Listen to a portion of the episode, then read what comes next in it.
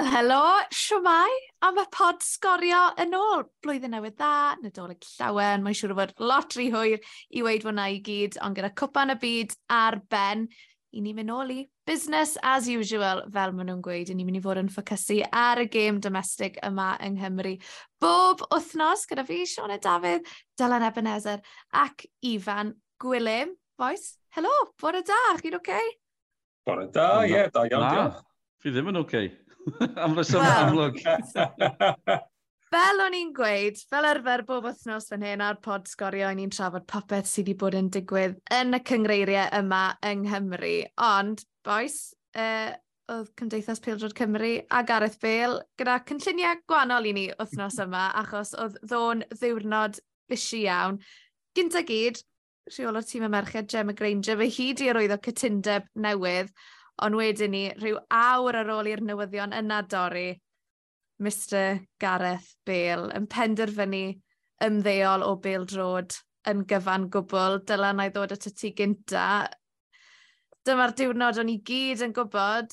Oedd e wastad yn mynd i gyrraedd, oedd e wastad yn mynd i ddigwydd, ond felly o'n i ddim cweith yn disgwyl iddo fe fod mor gynnar ac o bosib mor understated a beth oedd e? Na, fi'n credu bod wedi bod yn sioc i, i bawb, gan gynnwys y gymdeithas Bêl-Drods. Um, fi'n yn credu o'n nhw'n quite yn barod am y coeddiad. Fi'n cael y teimlad o'n nhw'n disgwyl e, bod e'n, bod e fel ti'n gweud, union fel ti'n gweud, oedd e'n agosau, oedd y diwrnod yn mynd i ddod. Ond o'n i ddim yn meddwl mai byddai fe'n digwydd nawr.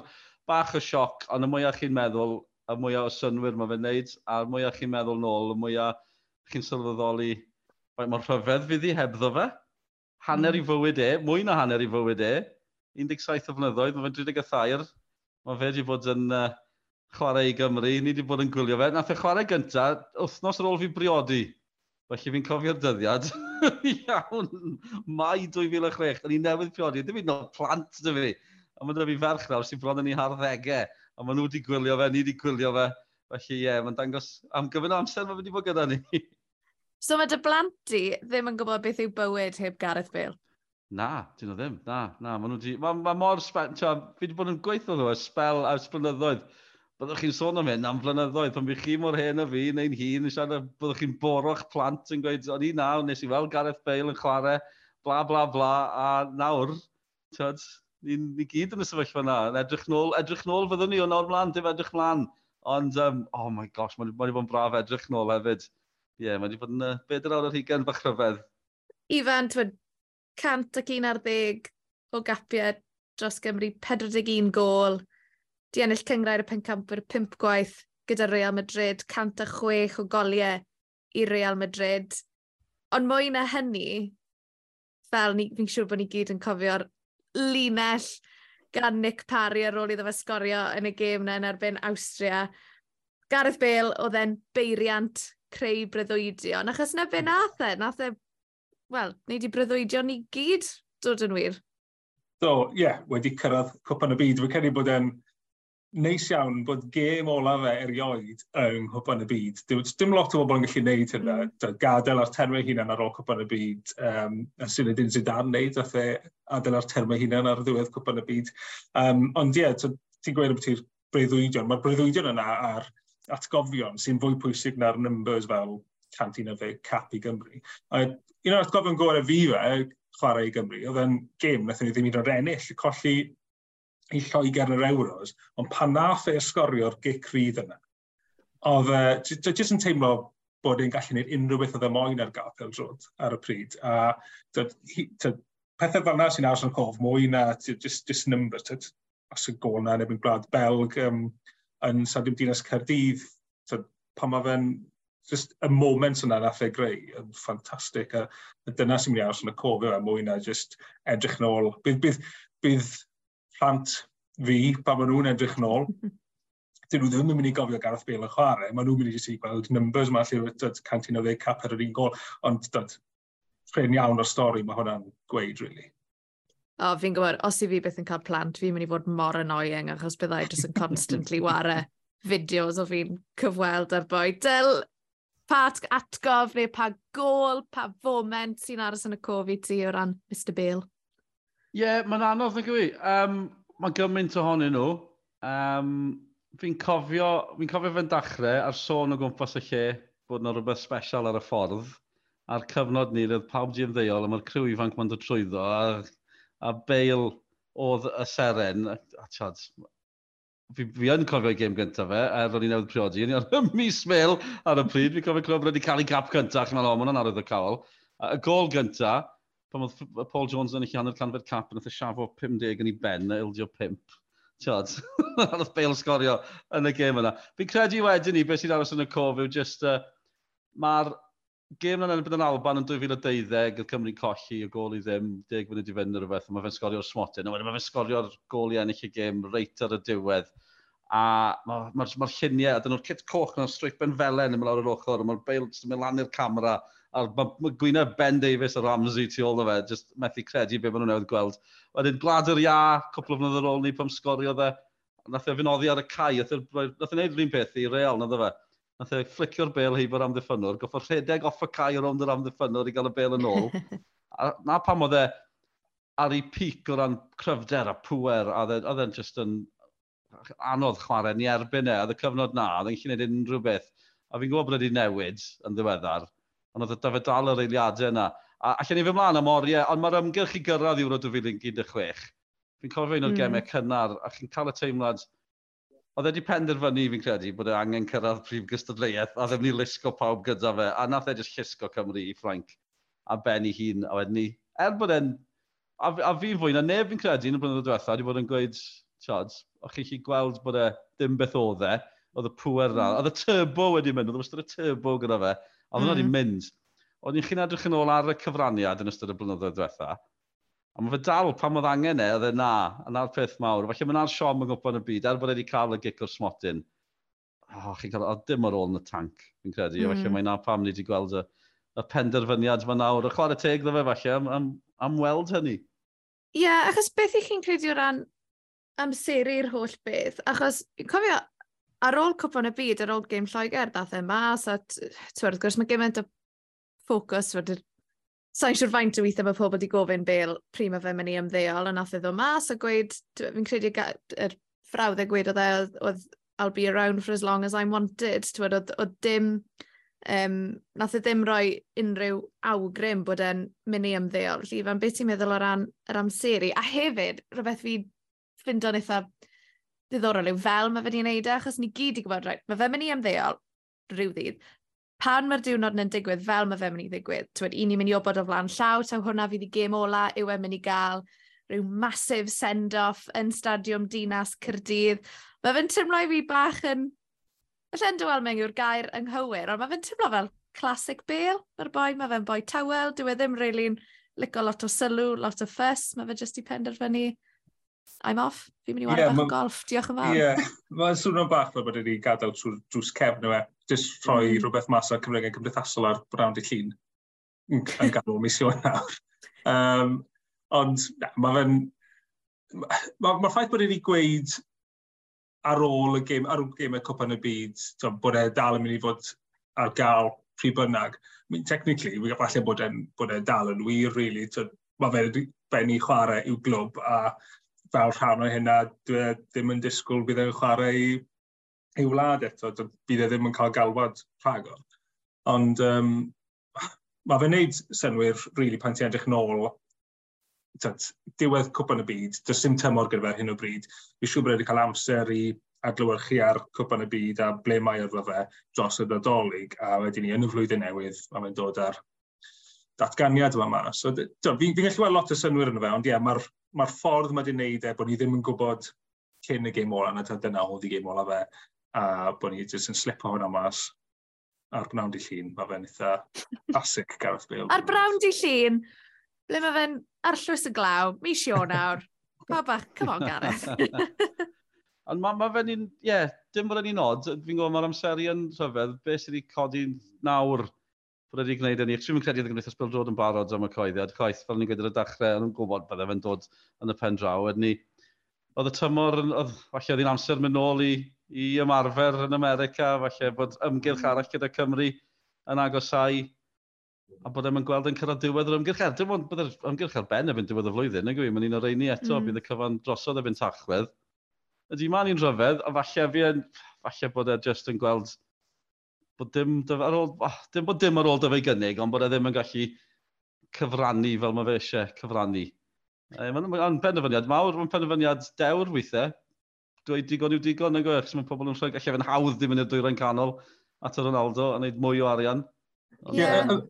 Yn feddyliol, mae rai bod e, bod ti'n gweud fyna, fel bod e ddim o'n ddim yn meddwl bod e'n gallu cyfrannu yn y ffordd mae fe eisiau. Mae rhaid yn feddyliol bod e'n anodd iddo fe gwybod bod e ddim ar ei orau a bod e arfer gallu gwneud y pethau yma, bod e'n gallu gwneud y cyflymder, a wedyn i bod e jyst yn teimlo fi ddim yn gallu gwneud yn yr rhagor, a mae rhaid bod e'n anodd. Mm. Fi'n credu hefyd, ddo, fi'n parchu fe am bennu pethau ar dermau ei hunan. A fe wedys ti dyl, fi'n siŵr gallu fe'n hawdd iawn wedi mynd i rola fel Saudi Arabia. Fi'n ffynna fe'n really dris beth sydd wedi digwydd i Ronaldo, achos mae fe, mae cyfnod olau yrfa fe. Os neb yn mynd i obod beth mae fe'n neud pob penwthnos a phob parch i'r Pil pildrod yn Saudi Arabia. A bydde fe wedi bod yn eitha drist i weld rhywbeth tebyg yn digwydd i Bale. Felly, twyd, fi'n credu mae yna ma lot i weid o ran just penderfynu, actually, ie, yeah, fy ngheim ola yng Nghwpan y Byd. Mae hwnna'n ffordd eitha neis i bennu pethau. A'r cwestiwn nawr yw, be nesa? Be mae Bale yn mynd i wneud nesa? Yw e'n mynd i wneud be nath Peter Cech ar ôl ymddeol? yn mynd i wario hoci ia, yw Bale yn mynd i ddechrau. wario golf yn professional, pwy. Mae'r datganiad na eitha cryptic, nag yw e? Reit ar y diwedd, mae fe'n sôn am... Wel, na ffindo fe fan hyn, mae fe'n gweud, cam, fi'n camu yn ôl, ond fi ddim yn camu i ffwrdd o'r tîm. Uh, the team that lives in me and runs through my veins, fi'n gwybod, mae dragon on my shirt, so gwaith ni wedi clywed hwnna, gret, oce. Okay. Mae'n dyfyniad neis, ond, oce, okay. ni wedi clywed i lot erbyn hyn. Um, fi'n mynd gwybod, mae Robert Page wedi bod yn awgrymu, fi'n gwybod, ni'n glywed mwy gan Robert Page yn, uh, yn hwyrach wythnos yma, a mae fe'n sôn bod e fe'n hoffi cael ei o gwmpas rhywsut, mm. mae pobl wedi neidio i'r casgliad Kit Simons wedi mynd, fydd Bale yn y fforddi, oedd i yn gwneud mlaen ar radio bore yma, a allech chi'n chi gweld i ymateb e, edde fel, na, di hwnna ddim yn mynd i weithio. Dwi'n methu mynd yn syth o fod yr arwr, y joker gyda'r chwaraewyr i fod yn y ffordd o'r yn syth, ond maen ma nhw'n mynd i ddefnyddio fel rhyw sut, fel rhyw lis genad, os bosib. Os yw eisiau, wrth gwrs, mm. mae'n uh, geithio wneud e beth mae'n moyn. Mae'n ma, ma ddiddorol gweld, en, um, gweld pobl yn trio crynhoi i gyfraniadau. Uh, Ellis James o'r boys mam. Ellis James yn trio sgwennu erthigol i'r Guardian, dyfa mil o eiriau, a mae wedi sgwennu 800. A mae wedi mynd i cyrraedd ail gol Gareth Bale i Gymru yn barod. A mae fe'n gweud, nath e holi, e wedi newid y wlad. A chod, mae'n hawdd mynd yn sentimental a gorddweud, ond chi'n mynd ôl 17 o flynyddoedd, a chi ddim yn gweld plant yn gwisgo Crysau Pil Dod Cymru bob man, oedd dydd gwyl no. dewi'n yr ysgol yn golygu llond ysgol y blant mewn Crysau Rygbi, tiod, Mae ma fe mae popeth di newid, mae tirlun di newid yn llwyr, a fi'n gwybod yn fwy na just fe, ond mae'n rhyw fudiad, yn rhyw symudiad angen mm. pen, rhyw, rhywbeth i arwen nhw, a doedd criw o chreuwyr drwodd, ond doedd o dde yn un unwaith mewn cenhedlaeth o ran safon, dwi e ddim yn messy, ond ar un adeg oedd e'n cael ei... Oedd e'n siarad amdano fe o fewn cyrraedd Messi, nag nhw, Bale, mm. Ronaldo Messi, a wedyn Bale yn nhw'n siarad, mae hwnna'n dweud llawer bod e o fewn cyrraedd y ddau yna. Mm. A fi'n cytuno, fydden ni'n gosod y gyda'r ddau yna, ond o, am bum mlynedd na mwy oedd e just, oedd e mor agos iddyn nhw. A fi'n credu, mae fe, ma fe wedi newid, so, chi'n mynd, chi mynd i wledydd, mae pawb yn gweud, e, chi'n mynd i wledydd tramor neu'r bendro'r byd, ble chi'n dod o, o Gymru, dim syniad, Gareth Bale, pawb, ei, Gareth Bale. Mae'n ma ma cliché, ond mae ma, ma, ma Cymru, mae Pêl Drods Cymru, ac yn sgil hynny, y wlad falle wedi newid gymaint yn yr 17 o flynyddoedd diwetha.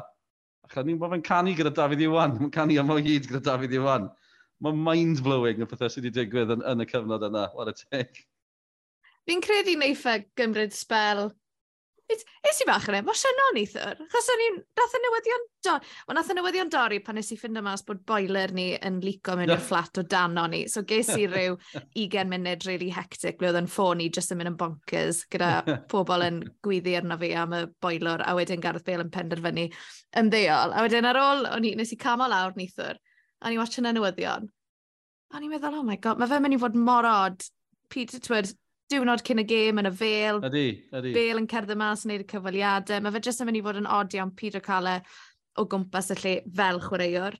Ie, yeah, um, o'n i bach o ti, achos o'n i bach yn stressed am pethau eraill fel bywyd bob dydd, a hefyd yr Arsenal yn wario rhy dychen, a ni'n meddwl, o, oh, tiod, bod tro mae cwpon Lloegr fi'n mynd, ydyn ni'n goffa chwarae'r exam eto? Na, thank God for that, fel gyda'r dro, a ni'n meddwl, Tod, o'n i'n poeni bod nhw'n mynd i golli na fe'n Rhydychen, a trial poeni bod fi ddim yn es, bod fi ddim, trial esgus bod fi ddim yn poeni am, am gwpan Lloegr. So oedd beil y stwff ma'n digwydd, oedd hi'n bwrw glaw, oedd y ciang yn mynd am dro. Oedd ni'n bore yma, oedd eto, fi'n mynd ôl, oedd Ian Gwyn Hughes uh, mlaen y radio, nath e weid, um, chi'n, bod tro chi'n cyrraedd camp gyda Cymru, oedd y chreuwyr yn cyrraedd, tiod, Griffith Drafflith, un ar ôl y llall, a wedyn ni bydde Gareth Bale yn cyrraedd o, o le bynnag, o Madrid neu o LA, a oedd gweud, oedd yna deimlad, rei, mae Beilow, fel wedodd e, wedi cyrraedd, popeth yn iawn nawr, mae popeth yn ei le. Ond so mae hwnna'n newid, mae'n fod yn newid mawr ym mis Mawrth, achos bydd e ddim yno. A fi'n gwybod beth chi'n meddwl, ond fi'n credu bod wedi gwneud bywyd yn haws i Robert Page, achos mm. dyw e ddim yn gallu gadael beil allan o'r tîm. Nath e ddangos yn i'n hopan y byd. A hyd yn oed pam, siwr o fod, dylai fe fod wedi. A, a ddi ddiddorol oedd Osian Roberts gyda ni yn Nghoplan y byd, Sioned na, tiad, A hyd yn oed rhywun o'r brofiadol o Osian, pan oedd yn dod i, o'ch chi'n holi nhw, dyle Bale gael ei lyddio, dyle Ramsey nhw gael ei lyddio, ond nhw'n ffrind o fan rili really anodd. Oedd yn gweud, na, chi'n cadw nhw ar y cael. Le fel cefnogwr, chi'n mynd, dyn nhw'n wedi cyffodd o Bale ys i gymunid, maen nhw'n nacyd, chi angen cael nhw off y cael. Ond mae hyd yn oed yr hyfforddwyr profiadol yma, mae gymaint yw, dim sta, well, status, ia, a cyfraniad Bale a Ramsey hefyd, maen nhw'n, dyn nhw ddim hyd yn oed eisiau eilyddio nhw, sôn am peidio dewis nhw, felly Sa'n gwybod, Sean Edwin credu, wnaeth e helpu Robert Page, achos, tiod, os yw Gareth Bale ar gael, mae fe'n mynd i chwarae. So falle bydd e'n haws i Page newid pethau nawr gen i weld. A fi'n cofio holi Rob Page gofyn, dyfa hwn yw dechrau'r diwedd. Fel hwnna oedd y diwedd, ond jyst neb yn gwybod ar y pryd.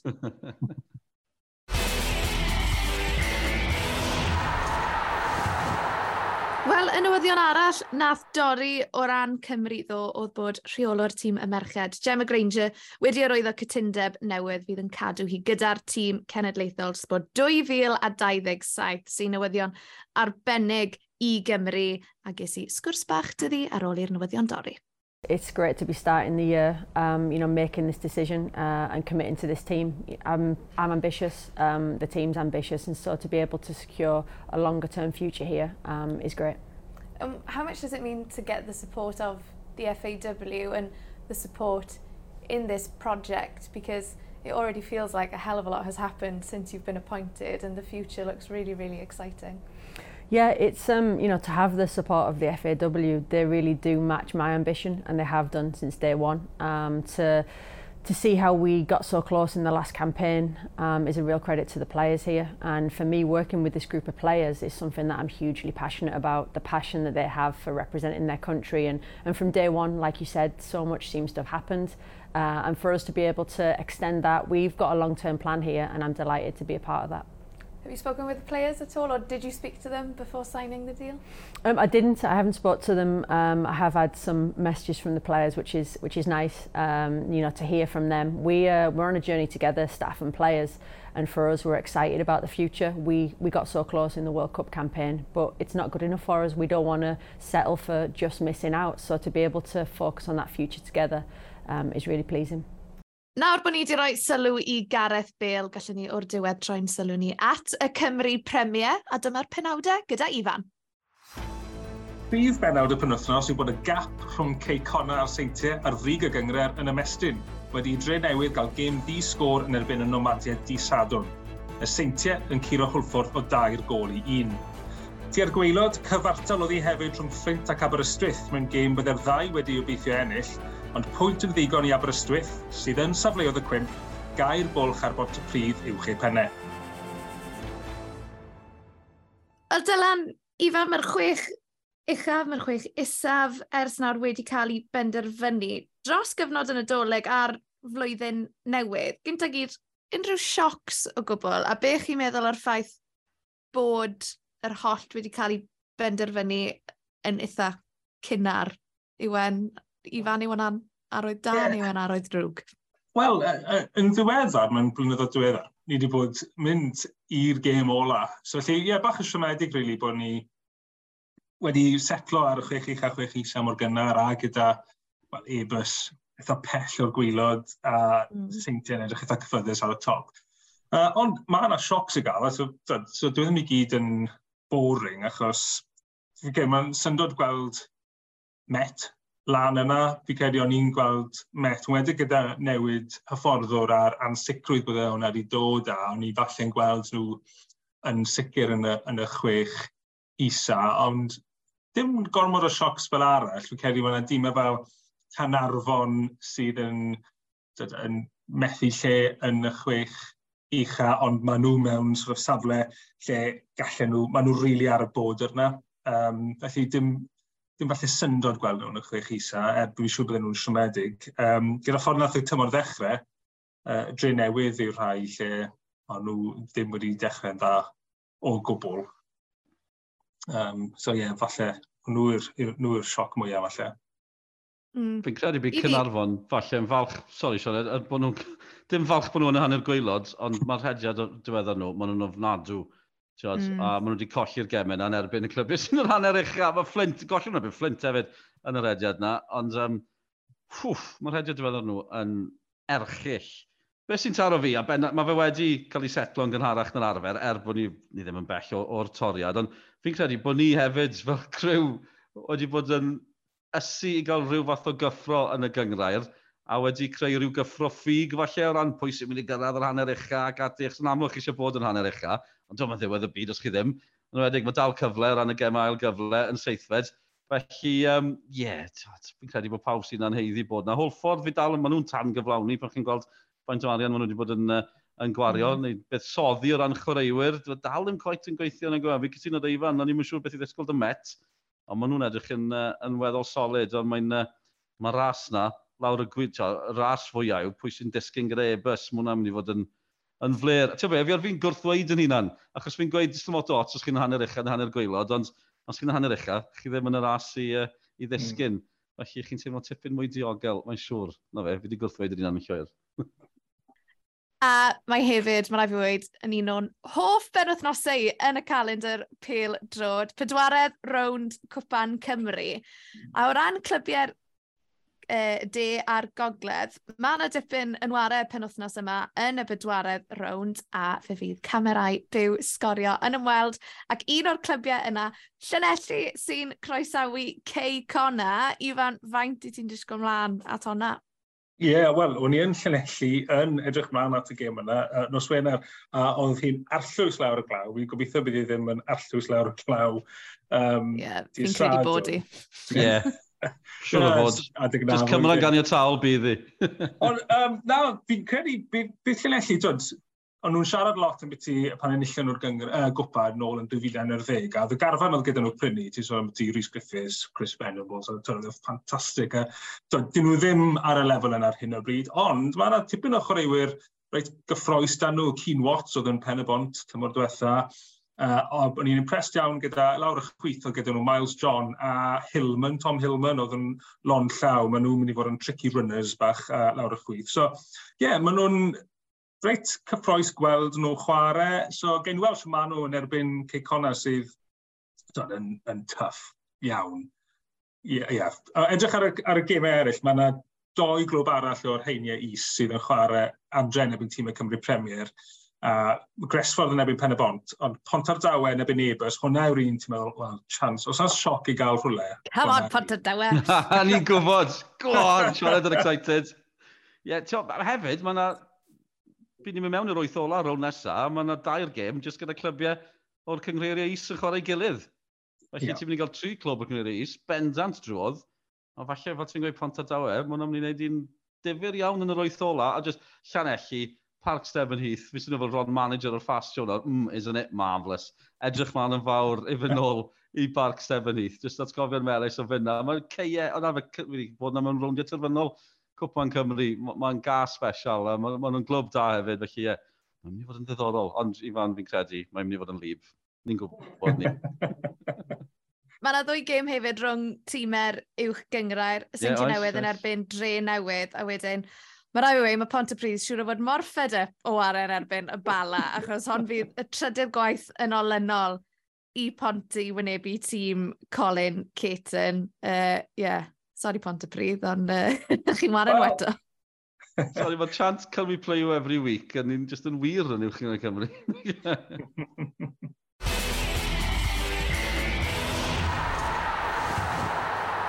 Wel, dyna ni am y benod yma, Ifan a Dylan. Diolch yn fawr am eich cwmni chi. Diolch yn fawr i chi am rando. A ie, dyma ni. Dechrau bywyd heb Gareth Bale. Nath y mab i dod mas o'r ysgol, oedd y newydd clywed a'r athro di gweithio fe, a di wyneb e. Yw Gareth Bale di ymddeol deg o, dewe? Ydy, byddai dal yn cael canu'r gan na, fi fy Gareth Bale, byddi. A y rheswm pam mae fe'n hoffi canu'r gan yna, mae yna ambell i air bachan wedyn. Redi'n ddeg, wrth i fod, ond mae'n cael sefyll yn y stadiwm a rhegi a sneb roi roedd o fe. Fifa Gareth Bale am byth. A pidwch yn cofio bod camerau byw sgorio yn Stebanith i dydd Sadwn ar gyfer Llanelli yn erbyn Cei Conna gyda darllediad yn dechrau am 5 o'r gloch. Allwch chi wylio ar eich tyledu ar S4C, ar eich tyledu clyfar neu ar-lein. A hefyd bydd eich afbwyntiau yr 8 gêm yng Nghwpan Cymru ar gael i'w gwylio ar sgorio ar S4C Nos Lun, ac yna ar YouTube a Twitter. Diolch yn fawr am rando, welwn i chi tro nesaf. Mae o'n beiriant creu breuddwydion. Nadi, mae o'n beiriant gwireddu breuddwydion.